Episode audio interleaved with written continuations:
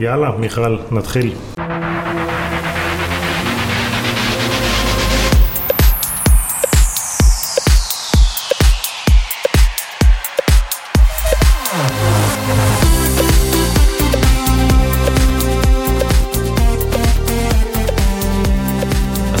אני לא ידעתי את הסטטיסטיקה הזו, שהפרק המואזן ביותר בתולדות uh, הפודקאסט uh, רב הימים שלנו היה פרק עם uh, דוקטור מיכל וקרת וולקין. נכון להקלטת פרק זה. כן, ולכן החלטנו, לאור ההצלחה הכבירה, uh, להזמין אותך שוב. היי מיכל.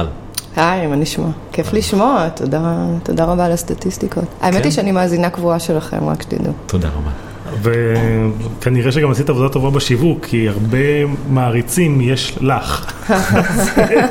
רגע, אנחנו מדברים היום על סוללות, נכון? אנחנו החלטנו להקדיש פרק מיוחד לסוללות נבות, למען השם, למה אה, רצית לדבר על סוללות? אה, תחביב שלי מאז שהייתי ילד קטן ללקק סוללות. גם אני חטאתי בזה, אוקיי. אה, וגם אה, אה, מאזינים פנו ואמרו, סוללות זה משהו שהיום, זה המערכת הפעלה של העולם. מה שהיום מניע את העולם, מניע תרתי משמע. תרתי משמע את העולם, זה סוללות. אה, זה טכנולוגיה שאנחנו לא לגמרי ברורה לנו. אה, מבחינתי זה לא תוכנה, זה קסם. כל מה שהוא לא תוכנה מבחינתי זה קסם. כן. וכאילו נראה ששום דבר לא, לא התקדם שם יותר מדי בשנים האחרונות, כלומר הדבר בעיניי הכי מרגש שקרה בסוללות בשנים האחרונות זה שהם התפוצצו בטלפונים של סמסונג. כן, זה קורה, זה קורה. אז מה, הטכ... מה הטכנולוגיה שם? מה קורה? אז תשמע, סוללות זה דבר מאוד uh, מסובך, מה שנקרא interdisciplinary. הוא מכיל בתוכו את מדע הכימיה, החומרים, הפיזיקה, האלקטרוניקה, המכניקה, וגם תוכנה, תתפלא. יש גם הרבה תוכנה ב- בסוללות, ואפילו מייקרוסופט הגדולה נכנסה לתחום לא מזמן. מה הטכנולוגיה, מה התוכנה בסוללות? אז אה, מה שקורה בסוללות, בעניין תוכנה זה בעיקר המנג'מנט. Uh, כל סוללה, ברגע שהיא מוכנה, מוסיפים לה BMS, שזה Battery Management System, שלמעשה שולט בסוללה, הוא אה, למעשה מכתיב את אה, קצב הטעינה, את איזון התאים שנמצאים בתוך הסוללה, את המתח, uh, את uh, מהירות ההטענה וכן הלאה. כן. אה, מייקרוסופט, אני, האמת היא שקראתי... כן, מה מייקרוסופט עושים בתחום הסוללות? אני לא... האמת היא שהיום התפרסם מאמר בוול סטריט ג'ורנל בתחום של סוללות ל grid, ל utilities, רשת החשמל. היום למעשה אה, אנחנו מסתכלים על אה, חוות ענק של אה, solar, אה, של wind, ובעצם היכולת היא לאגור אה, אנרגיה על ידי סוללות אה, ולהשתמש בהם בשעות השיא, ועל ידי כך למעשה להוריד את אה, מחיר האלקטרון. לצרכן. עכשיו מייקרוסופט מסתכלת על אה, גם, גם לעשות testing לסוללות באחת החוות שלה אה, בארצות הברית, חוות data center, וגם לפתח מערכות, אה, מערכות שיכולות למעשה לבקר את הסוללות האלה, וזה באמת מהעיתון של היום בבוקר. בפרק הקודם שערכנו אותך, סיפרנו כמובן על ההיסטוריה שלך, על העובדה שהיית אה, חלק מאחת החברות הישראליות הכי חדשניות אה, לזמנה, שאחד הדברים הכי חשובים שהיא עשתה הייתה סוללות. Better Place, mm-hmm. וחברה שפחות או יותר באותו זמן חשבה בדיוק על אותם אזורים, היא טסלה, וטסלה היום היא לא רק חברת רכב, היא גם חברת סוללות. נכון, נכון מאוד. אז קודם כל, כדי להבין את השינוי המשמעותי שטסלה ובטר פליס עשו בסוללות, אני חושבת שכדאי אולי להתחיל מההתחלה, אם אתם יודעים מה, מהי סוללה. מהי סוללה? בטרי. אז ככה, סוללה מורכבת בבסיס שלה מתא אלקטרוכימי. בלי הרבה קללות, בתא אלקטרוכימי יש אנודה וקתודה. ברור. את זה אני זוכר. ואלקטרוליטים, יש מעבר של יונים מצד אחד לצד השני, דרך האלקטרוליט, וזרימה של אלקטרונים במעגל החיצוני, בהטענה. ובמעבר הזה בעצם, מה קורה? נוצרת האנרגיה. יפה. יפה מאוד. נאגרת האנרגיה. ומה שקורה זה כשאתה בעצם מכין תא חשמלי, אתה עוטף אותו באיזשהו קייס של אלומיניום, אתה מחבר כמה תאים ביחד למודיול וכמה מודיולים לפאק. אז נורא פשוט, נכון? אני- לא אני לא מפחיד בכלל. אני עכשיו בונה סוללות. אני יוצא, מ- גומרים את אחרי ההקלטה. כן, גומרים את ההקלטה, בונה סוללות. האמת זה מלקק אותן. האמת היא, האמת היא שאני חייבת לציין שהבן שלי היה בכיתה ד', הזמינו אותי להשתתף בניסוי כימי, חיברו תפוחי אדמה עם כבלים חשמליים, הוסיפו אמפרמטר והראו שעובר זרם, אז אה, נבות לעבודה. בדיוק, אז אחרי זה אני הולך לעשות את זה עם התפוחי אדמה. מיסטר פוטטו. ובקיצור, אה, נמשיך בבטריות או סוללות 1, 2, 3. אה, תכונות חשובות מאוד של סוללות, קודם כל צפיפות אנרגיה. אה, כמה אנרגיה אפשר אה, להכניס בתוך כזה תא. וכמובן שאם אנחנו רוצים לשים סוללה בתוך טלפון או בתוך רכב חשמלי, אנחנו רוצים שהיא תשקול כמה שפחות. בעצם אנחנו מדברים על צפיפות אנרגיה כמה שיותר גבוהה, זאת אומרת, אה, לראות כמה אלקטרונים יכולים לעבור ליחידת גרם. ככל שצפיפות האנרגיה עולה, אנחנו יכולים אה, לנסוע ברכב אה, יותר קילומטרים, אנחנו יכולים להשתמש בטלפון יותר שעות, עד להטענה הבאה אה, וכן הלאה. זה צפיפות אנרגיה. דבר שני שאנחנו מדברים עליו זה. אה, ו- וזה- וזה מסוכן? זה מה שגורם לסוללה להתפוצץ באיזשהו שלב? לא. אוקיי. לא, עוד לא, עוד לא. בוא נדבר, נדבר גם על בטיחות, כי בטיחות זה, זה, זה אני- הפרמטר אני מה, הרביעי. אני- אני לחם ושעשועים, תני לי לראות משהו מתפוצץ, אני מבסוט. אנחנו מדברים על life cycle, זאת אומרת כמה פעמים אפשר להתאים ולפרוק את הסוללה, אוקיי. וכמה זמן היא יכולה להחזיק מעמד על המדף, כמה שנים. פה בעצם אנחנו מתרגמים את זה ל-warranty, זאת אומרת רכב שנמצא על הכביש, האם ייתן לך אחריות על הסוללה לשמונה שנים, לעשר שנים, גם את יודעת, מי- כל- לשנתיים. כל מי שמשתמש בטלפון סולארי יודע שהטלפון בהתחלה הסוללה מספיקה על נכון, הכיפאק, נכון. ואחרי שנה מתחילה לג'עג'ע, נכון. אחרי שנתיים, הלך. כן. שזה לפעמים גם האינטרס של החברות, לא ברור. לשפר את הסוללה יותר מדי. שתצטרך להחליף את הטלפון. אבל ברכב זה לא ככה, אם אתה תוכל לנסוע 50 קילומטר ובמשך שנתיים אף אחד לא יקנה את הרכב שלך, חלק מהרעיון של מס אדופשן של רכבים חשמליים זה בעצם כמה קילומטרים אפשר לנסוע וכמה זמן, כמה, איזה וורנטי תהיה לבטריה. אז זה דבר שני. דבר שלישי זה המחיר, נכון? אנחנו אה, רואים אה, ירידה מאוד דרסטית. אה, במחיר של סוללות, אבל דרסטית זה הכל, הכל יחסי. אני, כשאני עבדתי בבטר פלייס, אנחנו דיברנו בהתחלה על מחירים של אה, אלף דולר לאלף דולר לקילוואט שעה, שזה מחיר אסטרונומי, ואנחנו רואים שהמחיר הולך ויורד, אבל עוד פעם בצורה מאוד הדרגתית. כמה המחיר היום, פחות או יותר? אז אנחנו מדברים על בסביבות אה, 200 ל-250.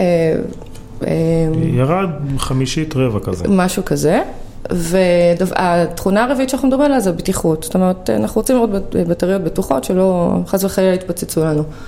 אה, עכשיו, מה, את שאלת על טסלה, מה בעצם טסלה עשתה? אחרי 20, אני רוצה להגיד כמעט 20 שנה של שיפור הדרגתי ביכולת ביצוע בטריות, אה, צפיפות אנרגיה עולה קצת. אה, מספר הסייקלים משתפר, בערך 5, 5, 10 אחוז אה, כל כמה שנים. זה הכל? כן, כן, כן. זאת אומרת, אה, לא יש... היה כנראה אינטרס לשפר את הסוללות זה- זה- בצורה דרסטית או או שזה אקספוננציאלית. בעיה פיזית, אני לא יודע. אז זהו, שזה זה, ש- זה שילוב של, של, של שניהם, כי מה שקורה זה שאתה משפר צפיפות אנרגיה, ויש היום כימיות שיכולות להגיע לפי עשר אה, צפיפות אנרגיה, אתה יכול מאוד לפגוע במספר הסייקלים שבטריה יכולה להחזיק בהם מעמד. זאת אומרת, אה, המינימום זה 2,000 cycles, שמדובר עליהם בבדיקות תעשייתיות, אז זה לא יעזור לנו אם יהיה לנו בטריה עם פי עשר אנרגיה שיכולה לנסוע אלף קילומטר, אבל היא תחזיק לנו שנה, נכון? או כן. 100 טונות. אז, אז הרבה פעמים שיפורים באים אחד על חשבון השני, וזו הייתה הבעיה הכי גדולה בשנים האחרונות, בעצם מאז שהתחילו אה, לדבר על שיפור בטריות. אנחנו קודם כל מדברים על בטריות של lithium ion או ליתיום יון, רק שתדעו, זה, זה הטכנולוגיה. אה, העכשווית, כן. העכשווית, ומה שטסלה עשתה בעצם, הם באו והם הודיעו שהם הולכים להקים את הגיגה פקטורי של הבטריות, ולא רק להוריד את המחיר בצורה דרסטית, אלא גם לשפר את צפיפות האנרגיה ב-30 אחוז, שזה המון, ממש המון. אה, היו הרבה... מה זה ייתן להם? אה, תראה, טסלה, לנו. לח- ל- ל- לאנושות כולה, כן, אנחנו מדברים פה על בטריות שהן אה, מגיעות למחירים, חצי מחיר בערך, אוקיי. אה, בסביבות ה-130, 150 דולר קילוואט שעה, שזה מדהים. תחשבו שלפני שבע שנים דיברנו על אלף, כן. וכשבטר פלס הוקמה לא האמינו לנו שאנחנו נוכל, אה, שבאמת אנחנו מדברים על הורדה כל כך דרסטית של הבטריות. אה, ואנחנו כן, זאת אומרת, אני לא רוצה לנקוב במספרים ספציפיים, למרות שאולי זה כבר לא כל כך קריטי, אבל אנחנו הצלחנו לראות שיפור של יותר מחצי בעלות, אבל מה שטסלה עשתה זה, זה הבלתי יאומן, אז קודם כל היא הצליחה להוריד את המחיר. אה, ופה יש, אה, יש עניין מאוד גדול באיך איך נקבע מחיר של, של סוללה, של בטריה. יש כאן supply chain מטורף כדי להכין את הסוללה הזו. היא לא רק דבר מאוד מסובך להכין אותו, זה ממש art, אלא גם לייצר אותו. אז קודם כל ליתיום עצמו הוא נכרה מ mines. איפה כורים ליתיום? בעיקר בדרום אמריקה, בבוליביה, בצ'ילי, בארגנטינה, עכשיו גם מדברים על פרו. יש גם בסין, יש גם באוסטרליה, בעיקר בדרום אמריקה. Mm-hmm. אז שם הוא נכרה בתהליך יחסית פשוט אבל ארוך, אה, מוציאים את הליטיום מהאדמה, מייבשים אותו, מסננים, שוטפים, מלבשים. אין סכנה שזה הולך להיגמר בקרוב? לא, זו שאלה מצוינת, כי עוד פעם, בתקופת בטר uh, פלייס היו הרבה עיתונים שבאו רגע, אבל uh, אתם יוצרים כאן uh, את המשבר המפרץ החדש, זה יהיה משבר uh, דרום אמריקה במקום משבר כן, uh, המפרץ, uh, הפרסי. כן. המפרץ הפרסי, אבל אז לא, יש הרבה ליתיום בעולם וגם אפשר ל, ל, למחזר, למחזר, אותו, כן, אז לא, לא נראית uh, בעיה של ליתיום. אז זה השלב הראשון. השלב השני זה ליצור את החומרים של האנודות והקתודות. אז פה יש חברות ענק כמו 3M ו-BASF ו-Dow שמייצרות האנודות והקתודות. משם עוברים החומרים למפעל הבטריות. אה, גם כאן יש אה, חברות ענק אה, שמייצרות בטריות. אה, ביניהם אה, LG Chem, לא יודעת אם שמעתם אותם. לא, אני מכיר דורסל. כן, עם הארנב. כן. נכון, אז דורסל הם אה, באמת היו החברת צוללות של שנות ה-80 וה-90, הם פחות התפרסמו במעבר לליתיום איון, הם יותר היו בניקל קדמיום. שזו טכנולוגיה הקודמת. כן, בדיוק. אוקיי. בקיצור, LG Chem זה אחת מהם, סמסונג זה השנייה. אותם אנחנו מכירים. כן, מן הסתם. אה, יש הרבה חברות סיניות שמייצרות בטריות, ויש את טסלה. אה, שמייצרת. טסלה לא רק אה, מייצרת סוללות לרכב, אלא גם סוללות לבית. לבית, הם נכון. הם מאמינים שאפשר יהיה לאגור אנרגיה בשעות שיותר זול, לאגור את האנרגיה, ולהתנתק מרשת החשמל והבית על, על בטריה. נכון, נכון. ואנחנו גם נגיע לזה, אני אשמח לדבר אחרי זה קצת על השימושים של סוללות היום. Mm-hmm. אבל מה שרציתי להגיד זה שמה ש, שטסלה בעצם עשו, הם לקחו את כל ה-supply chain הגדול הזה של החומר, לקח את החומר, להפוך אותו לתא, מתא לפאק, מפאק להוסיף לו את ה-BMS, ובעצם שמו את הכל תחת מפעל אחד. אז... ונתנו לו שם מאוד מאוד מגניב. גיגה פקטורי, כן. שמייצר 35 גיגה וואט שעה לשנה, שתבינו שהיום מדובר על בסביבות 100, ייצור של 100 גיגה וואט שעה עולמי, זאת אומרת שהם פה שחקנים עצומים. כן. ועל ידי כך, על ידי אופטימיזציה של ה-supply chain, למעשה הצליחו להוריד, גם להוריד את המחיר.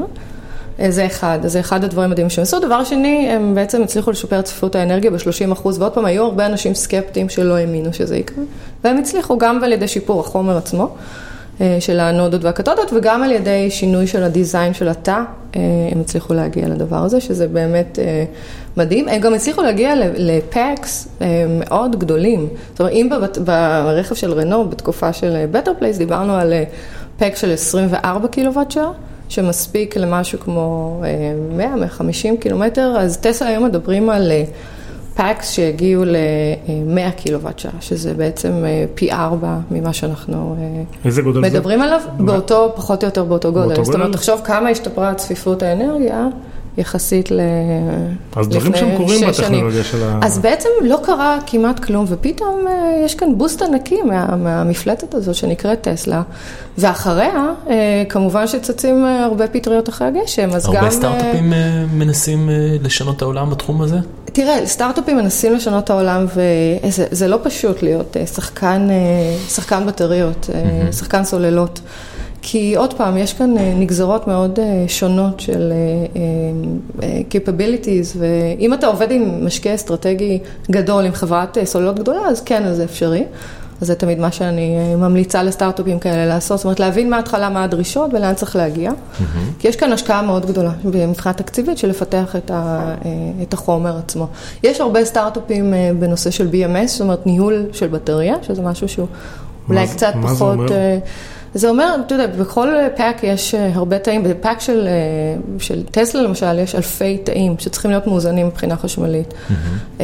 צריכים לקרר אותם כדי למנוע בעיות בטיחות. אז בעצם סטארט-אפים שמייעלים את תהליך ניצול הסוללה? בדיוק, כן. גם ואת... ישראלים? יש גם, גם ישראלים, למרות שלא המון, לא mm-hmm. המון. בתקופה של בטר פלייס היו, בוא נאמר שהיה כאן תעשייה, ecosystem שהוא באמת התחיל לפרוח סביב הבטריות, עכשיו כן רואים אותם פה ושם. ואת בתור נציגה של חברה גדולה מאוד בעולם הרכב, ליר, tier one בעצם, חברה שמספקת עבור יצרניות הרכב, מחפשת גם חברות בתחום הזה? אז ליר היא לא, היא לא משקיעה בבטריות עצמה, זה פחות, פחות רלוונטי, חברה היא כן מתעסקת ב power management, זאת אומרת בהטענה של בטריות, בכל החיבור בין הבטריה לרכב, אבל לא בבטריה עצמה. אז, אז מה, מה נראה בעתיד הקרוב בעולם הזה? את יודעת, בעולם של, גם של מכוניות וגם בעולם של הטלפונים, כלומר, יש מצב שהאייפון שלי יחזיק יותר מיום? כן, כן, ודאי. וואו, מתי יום זה... זה טוב. מתי זה יקרה, כן. אז קודם כל... שעתיים, אני רוצה לומר.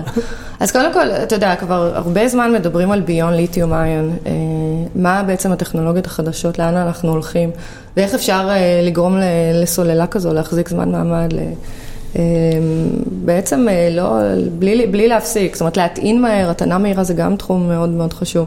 יש חברה ישראלית מאוד מתקדמת בתחום הזה, סטורדוט. נכון, נכון. האמת היא שהטענה מהירה זה, זה נושא שאני מאוד אוהבת לדבר עליו, ואני מאוד מקווה שהוא באמת יקרה. אחת הבעיות העיקריות של אם כבר אנחנו מדברים על הטענה מהירה, זה בעצם יש שתי בעיות. אחת, איך אתה, איך אתה שולט בחום שמשתחרר בהטענה מהירה. אנחנו מדברים פה על עלייה מטורפת בטמפרטורה, שיכולה בעצם חס וחלילה להדליק את האלקטרוליט כן. וליצור...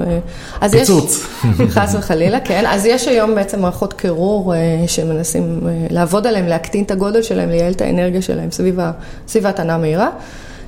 בעיה שנייה זה הגריד, זה רשת החשמל, האם היא תוכל לעמוד בטענה מהירה? הטענה מהירה, היום למעשה הטענה המהירה שמדברים עליה, שטסלה למעשה מאפשר את זה, להטעין רכב עד 80 אחוז מהבטריה שלו ב-20 דקות. עכשיו אני לא קוראת לזה הטענה מהירה, אני קוראת לזה quick charge ולא fast charge, כי בעצם כמה פעמים ביום אתה יכול לעצור ל-20 דקות בשביל להטעין את הבטריה שלו. אבל אם אנחנו מדברים על עולם שעובר לתחבורה שהיא on demand, כלומר אנשים לא יחזיקו יותר מכוניות, אז רוב ההטענה תהיה בשעות שבהן אין הרבה ביקוש. והחברות בעצם, נניח האוברים של העולם, ציי הרכב של העולם, שינהלו 80% מהמכוניות שלפי מחקרים שיסתובבו בערים, בעצם ידעו בצורה חכמה לנתב את המכוניות לתחנות ההטענה כשצריך, כשהרכב צריך להיות מוטען, ותמיד כשהרכב יגיע אליך, תהיה בו מספיק סוללה כדי שאתה תגיע ליעד. נכון, נכון. וזה למעשה גם היה הרעיון של בטר פלייס, שרוב ההטענה נעשית בשעות שהן אוף פיק, בעצם לא, לא בשעות המטורפות, ואז קל יותר להגיע למקסימיזציה ואופטימיזציה של ההטענה. השאלה היא מה קורה אם מגיעות לך שני, שתי מכוניות לתוך תחנת הטענה, ואידיאלי, אם היה אפשר להטעין בחמש דקות, הם שניהם מתחברות לגריד. הן צריכות להשתמש בחשמל שהוא שווה ערך בעצם למפעל תעשייתי אחד. כן, זה קצת קשה. מעניין יהיה. מעניין יהיה, כן. אז בוא נאמר שהטענה מהירה כרגע, אני רואה אותה יותר פרקטית לטלפונים. אז זהו, אז מה זה ה-Beyond ליתיום? אז Beyond ליתיום איון, יש כל מיני טכנולוגיות שמסתכלים עליהן. טכנולוגיה אחת היא Solid State Batteries, בעצם בטריות שהן מצב מוצק. וזה אומר להוציא את האלקטרוליטים מתוך התא הזה שדיברתי עליו מקודם, את האלקטרוליטים הנוזליים, ולהפוך אותם למוצקים. יהפוך את הבטריה ליותר יציבה, גם מבחינה בטיחותית, גם מבחינת ה-life cycle שדיברנו עליה מראש, שהיא תחזיק יותר זמן מעמד. Mm-hmm. ומדברים פה על, על פולימרים, זאת אומרת שהאלקטרוליטים האלה יהיו פולימרים, ואפילו היום התחילו לדבר על זכוכית. זאת אומרת, להפוך את הבטריה, כן, אני רואה פה את הפרצופים, זכוכית, דקה, שלמעשה תהווה סוג של חוצץ בין האנודה לקתודה, והיא תמנע את כל בעיות הבטיחות של קצר, למשל, שיכולים לקרות, ועדיין להעביר את היונים. אז אני איש פשוט, באמת, הייתי שבוע שעבר בכנס באמסטרדם, יצאתי בבוקר מהמלון עם 100% סוללה, כמו שהוא אומר, תוך שעתיים הגעתי ל-20. Mm-hmm. מתי זה ייפטר? מתי כל הטכנולוגיה של הפולימרים והזכוכית וכל היופי הזה יגיע לאיש הפשוט? תראה, אני חושבת שזה מאוד מאוד תלוי בחברות הבטריות. המחיר כרגע של הבטריות האלה מאוד יקר. אני הייתי רואה אותן יותר הולכות לשימושים צבאיים ושימושים באירוספייס, בחלל. אה, אני, אני באמת, הייתי רוצה לראות אותה מחר, אבל לא נראה לי שתוכל אה, תוך יום... אה, באייפון 8 זה לא יהיה, את זה אומרת. עדיין לא יהיה. עוד פעם, השיפורים בינתיים הם יחסית... בצורה ליניארית. עד, כן, בדיוק. אז אנחנו לא, אנחנו לא עובדים פה לפי חוק מור, שזה חוק שקיווינו שיקרה. ותעשיית הסוללות זה לא תעשיית הסמי קונדקטור, אתה נכנס למפעל של סוללות, ויצא לי לבקר בסין, בהרבה מפעלים ביפן, באירופה. לא כולם, זאת אומרת, לא, לא כולם יפים, מצוחצחים ונקיים, זה לא חדר נקי, זה מפעל, כמו זה ש- מפעל בטמפרטורות גבוהות, עם סביבה אה, פציצה הרבה פעמים. עוד פעם, אני אומרת פציצה למרות ש... תדעו לכם אני ש... כאילו מדמיין את המפעל הסיני ואת ה... מה הולך שם. כן. תראה, אז אני חייבת לציין שבסין זה, זה, זה תעשייה שהיא מאוד אה, מוכתבת על, על ידי הממשלה בעצם. כמו כל תעשייה בסין, זה לא מיוחד. כמו כל כמו תעשייה כל דבר בסין. אה, מפעל בטריות ש, אה, שממומן על ידי הממשלה, או שלממשלה יש בו חלק, זה מפעל מתקדם כמו כל מפעל אחר במערב, הוא יחסית אה, מפעל אה, אוטומטי, יחסית נקי, אה, אתה לא רואה בו הרבה מפעילים. לעומת מפעל פרטי בסין, שאתה רואה את הסינים יושבים ומרכיבים את החלקים של הסוללה. מעניין. אה. בידיים. אז כן. רגע, בואי נדבר קצת על אה, שימושים אפשריים אה, בעולם הזה של סוללות. כן, אז נהדר. תראה, סוללות נמצאות סביבנו כל היום, אני לא צריכה להגיד, בשעון, בטלפון, בלפטופ, ברכב, ומן הסתם בסטיישנרי גריד, ברשת החשמל, שזה דבר יחסית חדש. אם אתה מסתכל על אחוזי שימוש, אז האחוז הכי גבוה של אה, סוללות הולך למעשה לרכבים חשמליים, אה, והצמיחה שהם מנבאים תהיה עצומה. אה, היום אנחנו מסתכלים על בסביבות ה-100 גיגוואט שעה לשנה. אנחנו מדברים תוך עשר שנים להכפיל את זה פי עשר, שבעצם בערך 450 גיגוואט ילך לרכבים חשמליים, משהו כמו 50 ילך לקונסיומר אלקטרוניקס, שזה בעצם אה, מחשבים כן. וטלפונים. שזה כלום. אה, זה לא. כלום, ובערך אה, כל מה שנשאר, שזה 100 ומשהו, לא להיכנס למתמטיקה, ילך לגריד, עכשיו ומה לרשת עם, אה, החשמל. מה עם רובוטים ורחפנים וכל הפיתוחים העתידים האלה? הם גם יצטרכו סוללות נכון, אה, טובות. נכון. אז אני מכניסה את זה בתוך תחום הרכב, בתוך ה-vehicle, אם זה רכב נע בחלל, או רכב אה, מרחף, או רכב אה, אה, שנוסע על הכביש. אה, אתה, אתה דיברת, אתה מדבר כל הזמן על, אה, אה, על safety, על בטיחות של סוללות. וואלה, כי זה מצטלם יפה, לראות סוללה מתפוצצת, מה קרה לך? נכון, אז תראה, אז אני חייבת לציין, ודיב... לפני שיגמר הזמן, זה חשוב לי, כי רכב רגיל עם תא, עם, אה, עם, עם בנזין או דלק, הוא פציץ בהרבה יותר מאשר סוללה. תכולת האנרגיה שלו היא הרבה יותר אה, גדולה. את מדברת על רכב, אה, רכב. מנוע בעירה פנימי. בדיוק. ו- וגם איתם, אם אתה מסתכל אה, היום על תאונות שהיו ברכבים חשמליים, אין... אה, אין לא כאן אה, התפוצצו. סיפורי, אה, כן, כן, אין כאן, זאת אומרת, תשמע, אם הרכב אה, ייכנס במשאית אה, שיש בה דלק ויצא שם בעירה, אז יקרו דברים, אבל, אבל רכב חשמלי הוא לא, הוא לא פחות הוא יותר בטוח, בטוח. הוא יותר בטוח אפילו מרכב רגיל. כשאני באתי לקנות פעם רכב, אז לא, אני, איזו אישה אחת לידי, אמרה שברכב החשמלי יש קרינה. אני שמעתי את הסיפור הזה. מה זה, זה, מה זה הסיפור הזה? אז אה, תקשיב, אני, אני, אני חייתי אז בתקופה הזו בארצות הברית, הרי גרתי שם 17 שנה, ועבדתי ב-Better Place בארצות הברית, וכל הזמן קיבלנו מהארץ אה, דיווחים וסקרים ו, וחששות על, אה, על עניין הקרינה, שבארצות הברית אפילו לא דיברו על זה. אה, באמת, זה לא היה אפילו קונצרן. אז יש... אני מאוד מקווה שזה לא קרה בגלל כתבה ספציפית שאני עשיתי בעבר, על סכנות הקרינה האלקטרומגנטית, עכשיו אנחנו- מה שהכניס להיסטריה גדולה אה, הרבה אנשים, אבל לא, אני בטוח שזה לא רק הכתבה הספציפית אז הזאת. אני זוכרת שבדקנו וראינו שהמתכת שנמצאת בצמיגים יוצרת אה, שדה אלקטרומגנטי יותר, הרבה יותר גדול מבטריה או סוללה וכבלים חשמליים שנמצאים בתוך הרכב. אז יש דרכים למסך את זה וזה לא, זה לא אמור להיות סיפור גדול. אז לא נקבל סרטן מהסוללה. לא, אבל אתה יודע, כן ראינו בעיות בטלפונים סלולריים, זאת אומרת, גלקסי 7 זה דוגמה מצוינת, שלושה חודשים אחרי שהטלפון יצא לשוק, היה ריקול מטורף, וסמסונג אה, אה, הפסידה משהו כמו חמיליאר, חמישה מיליארד דולר. אה, זה גם קרה לאפל, האמת היא, לא, על- לא כל כך על דיברו הנוט, על את זה. מדברת על הגלקסי נוט. גלקסי נוט, כן. כן, סליחה, גלקסי נוט. והאמת היא שמה ששמעתי, אני לא יודעת אם זה נכון או לא, אבל שהם מאוד מיהרו להשיק את זה, ולא עשו את כל הבדיקות כנראה שהם היו צריכים לעשות, שסמסונג זה אחת החברות המדהימות בסוללות. אבל זה גם קרה בטלפונים של אייפון, יש סיפור של בן אדם שנסע באופניים, הטלפון היה בכיס, ופתאום הטלפון התחיל לעלות באש.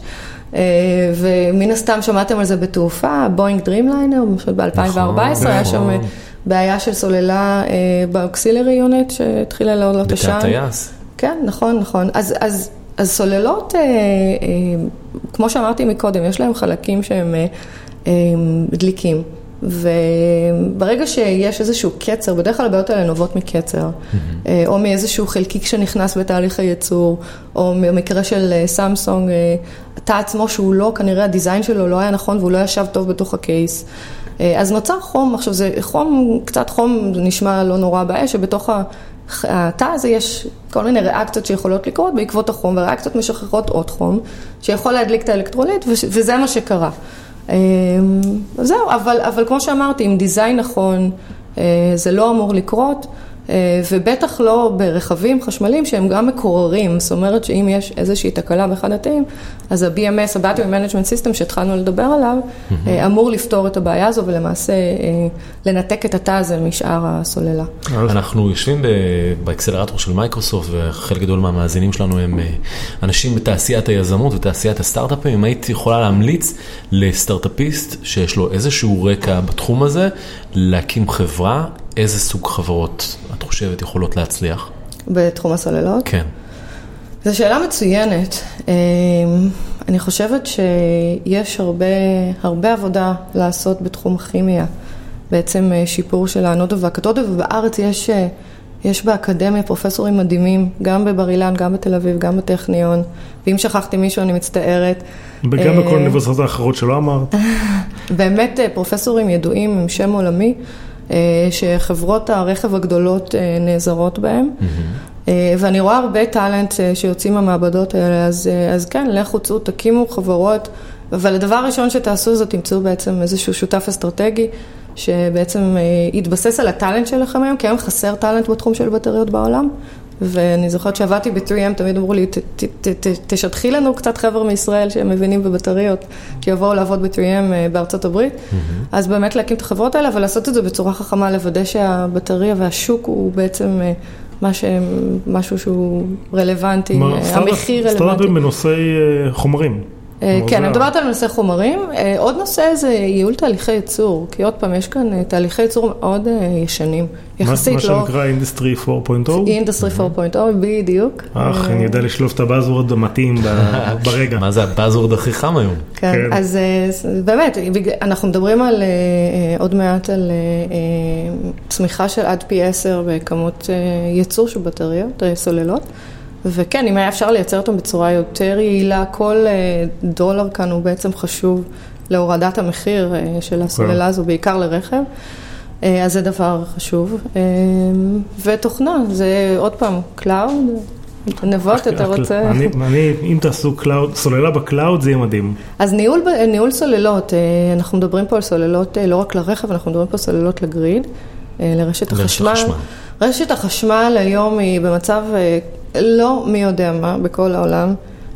יש לנו, אתה יודע, בארצות הברית היו מספר, מספר תקלות מאוד גדולות שהשביתו מדינות שלמות, ובעצם הם מתחילים להסתמך יותר ויותר, רוצים להסתמך יותר ויותר על סוללות. הבעיה היא שסוללות ליתיום איון לרשת החשמל הן לא מושלמות, כי הן יחסית יקרות. ו... וגם הצורה שבה משתמשים בהם לרש... לרשת החשמל, שזה הטענה יומיומית, יחסית בהספקים גבוהים, אז ליתיום מים זה לא, זה לא הכימיה האידיאלית. אז אם יש לכם רעיון לחומר פורץ דרך שיוכל לפתור את כל הבעיות שיש בעולם הסוללות, אתם בדרך הנכונה. כן, כן, קחו את הזמן, אבל זה לוקח... קחו את הזמן ודברו עם מיכל. זה לא סטארט-אפ שתוך שנה יעשה אקזיט, כנראה. כנראה שלא. אבל זה סטארט-אפ בטריות, זה, זה כיף, אני מאוד נהניתי באמת לעסוק בזה, ואני מאמינה שזה חלק מאוד גדול מהעתיד שלנו, כמו שהתחלנו. כמו שאמרנו, זה היום, זה המערכת הפעלה של העולם, זה הסוללה שתוקעים בכל דבר, אין היום משהו שהוא לא עובד עם סוללה. כולל המחשב שעליו אתה מקליט את הפרק הזה שהגיע לסיומו. אוי, כל כך אז אה, מהר. כן, ככה זה, טוב, זה אני קורה. אצטרך לחזור שוב. אין מה, אם את תמשיך להביא את המאזינים שאת מביאה, אתה רואה פה פעם בכמה זמן, אין בעיה. בשמחה רבה. תודה רבה לכם. דוקטור מיכל וקד וולקין, תודה רבה. ונבות, תודה. תודה לך אביב, תודה מיכל, יאללה ביי.